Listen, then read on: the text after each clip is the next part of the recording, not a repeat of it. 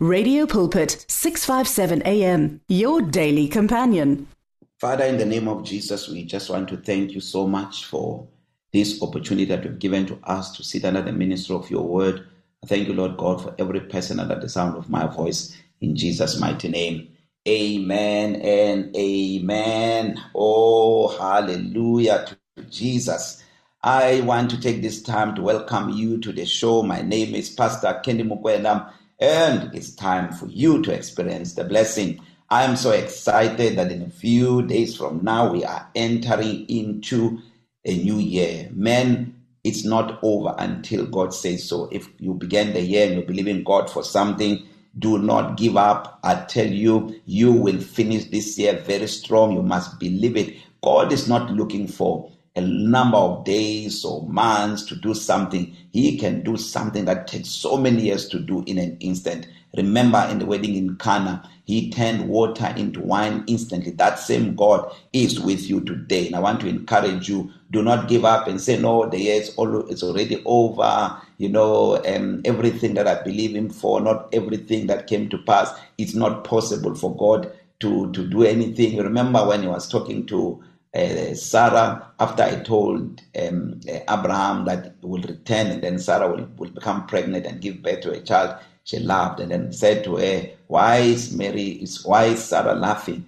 And she says, I didn't laugh, said, but we did laugh. And then he said, Is there anything too hard for the Lord? And this is what I want to ask you today. Is there anything too hard for the Lord? When you read the Bible in the book of Job, chapter 8, verse 7, it says, Though your beginning was small, your latter end will increase abundantly. I speak increase upon you right now in the name of Jesus Christ. I pray that God cause you to finish the year very strong in the name of Jesus. I pray right now that the anointing of speed, the anointing of acceleration come upon you in the name of Jesus Christ. I hear the sound of the abundance of rain. You must believe it, my brother. It's not too late. It's not over until God says so. And if this year was so hard for you, I want you to believe that the new year is going to be a better year for you in the name of Jesus Christ. You must start it well. You know, um, when, when we hit 31, many people, including Christians, all they do is to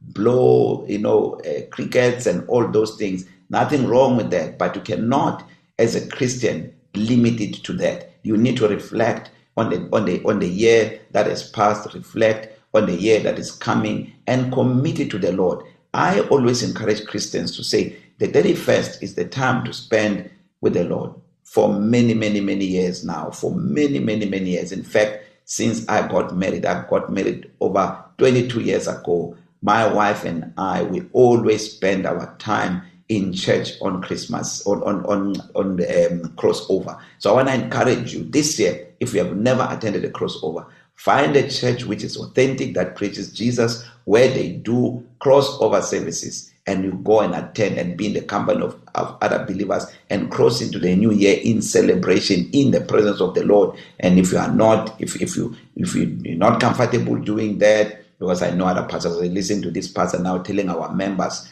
to go to other churches. Please, Pastor, host a crossover service and make sure that your members cross into the new year from the presence of the Lord.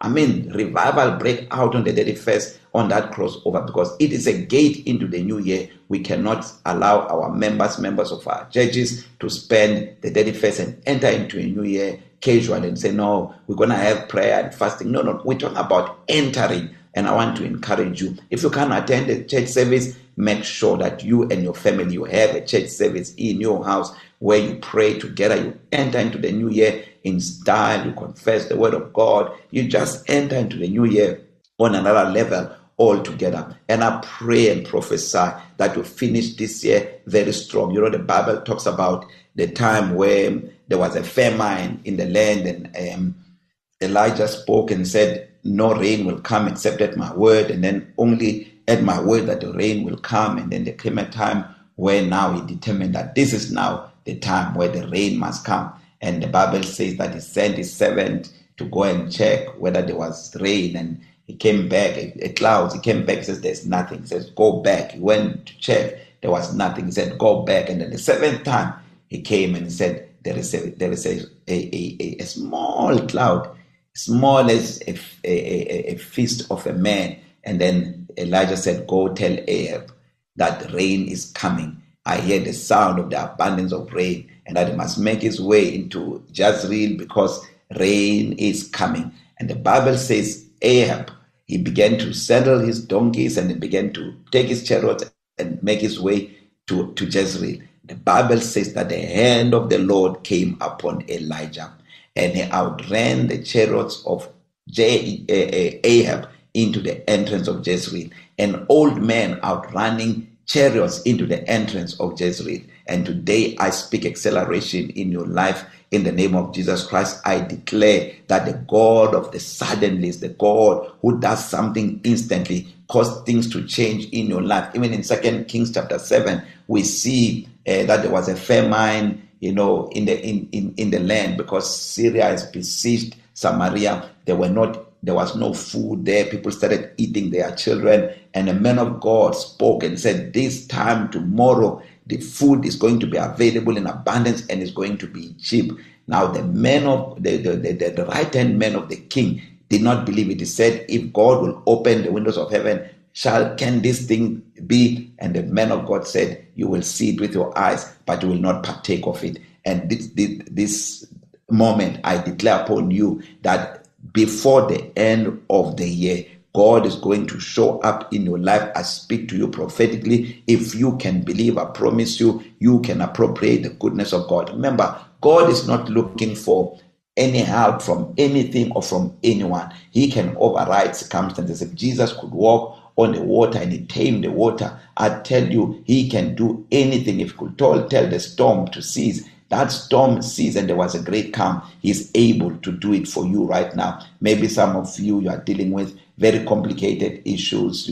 It doesn't look like those issues can be resolved. I tell you, God can make it happen. God is a God of miracles. You know, as Christians, we are called to live life in the supernatural. We're not called to live life in the natural. No, uh, miracles, signs, and wonders is, you know, should be a daily occurrence for us. That is why when you read the Bible in the book of Hebrews, chapter 2, um, and when you read from verse 1, it says, We must take a more earnest heed to the things that we have learned, lest we drift away. For if the word spoken by angels proved steadfast and every transgression received a just punishment, it says, How can we escape? if we neglect so great the salvation which at first began to be spoken by the Lord and confirmed by those who heard him and God himself bearing witness, both with signs, with wonders, with various miracles according to his will. So the Bible is telling us here that we, if we neglect this great salvation, and salvation reflects the totality of what Jesus Christ died for. The Bible says God confirmed it with signs, with miracles, and with wonders.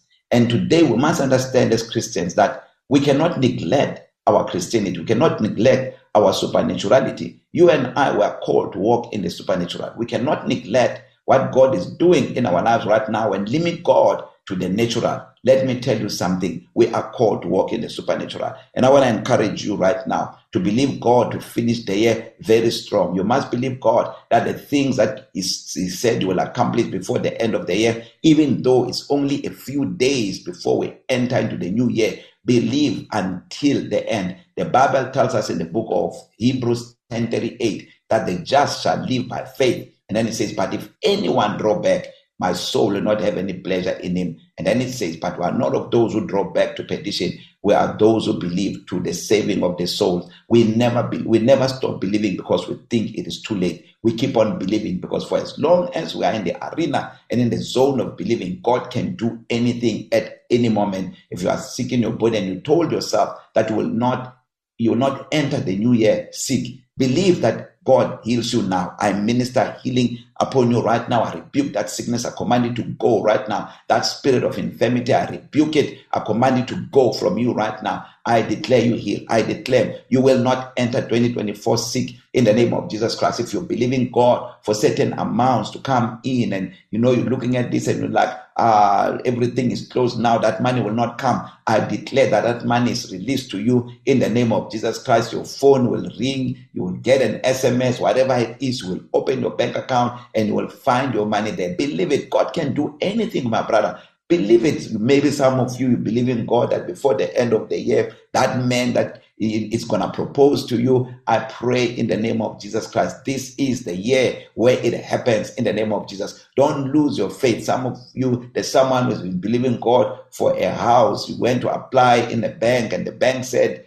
um, they cannot approve you. Believe that that approval is coming. It can come right on the 31st. It can come today. It can come tomorrow. Believe that any moment a miracle is going to happen. Be in that zone of expectation and believe that God is bringing acceleration in your life in the name of Jesus Christ. I speak fruitfulness upon you. I speak increase upon you. I speak overflow upon you. I speak abundance over your life in the name of Jesus Christ. The Bible in the book of John 1 16 tells us that all of his fullness we have all received and grace for grace, spiritual blessings upon spiritual blessings, favor upon favor, and gifts heaped up upon gifts. I declare it upon you right now in the name of Jesus Christ. For you who is tormented by devils, you know, this year never worked out for you, no matter what you tried never worked out for you. I pray for you right now in the name of Jesus Christ. I pray for a shift in your life in the name of Jesus. The Bible tells us in the book of Second Corinthians 3, verse 17 that the Lord is the Spirit, and where the Spirit of the Lord is, there is liberty, there is emancipation from bondage. I declare liberty, I declare freedom, I declare emancipation from bondage to you now in the name of Jesus Christ. You will enter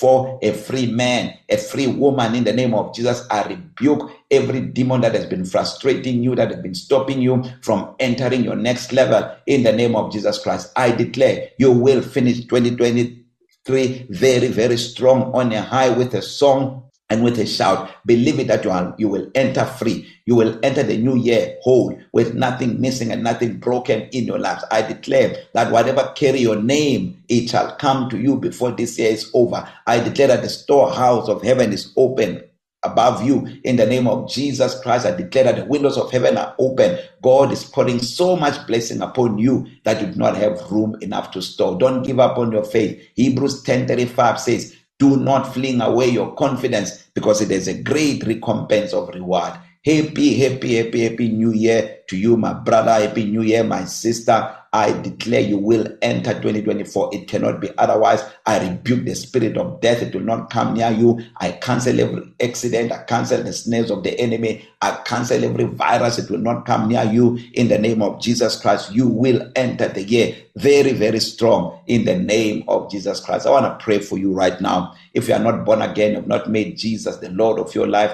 this is the moment for you to say yes to Jesus. Be born again, my brother, my sister. Enter, finish the year with Jesus. Finish the year knowing that I am a child of God. I'm the righteousness of God in Christ Jesus. Jesus loved you so much. He died on the cross for you. He doesn't want you to go to hell. Let me tell you, it's so risky to be not born again because at any moment the enemy can take you out. And once you die, you have no opportunity to come back and become saved. So don't miss another opportunity. Take this privilege and finish the year with Jesus and enter into the new year a child of God. So make this prayer with me. Say, Lord Jesus, I receive you now as my Lord and my Savior.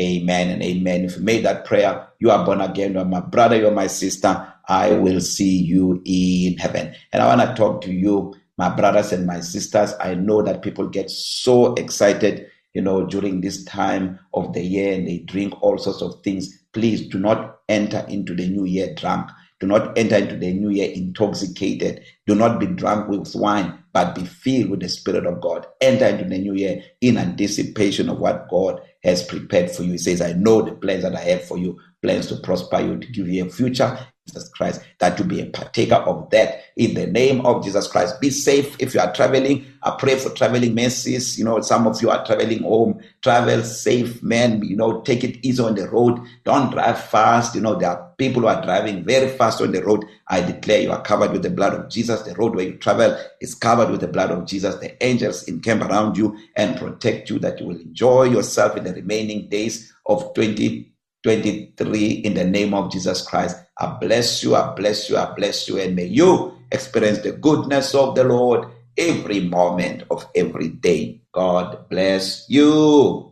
The words of the Lord are words of life. Your heart is on 657 AM. 657 AM. Radio for believers in action.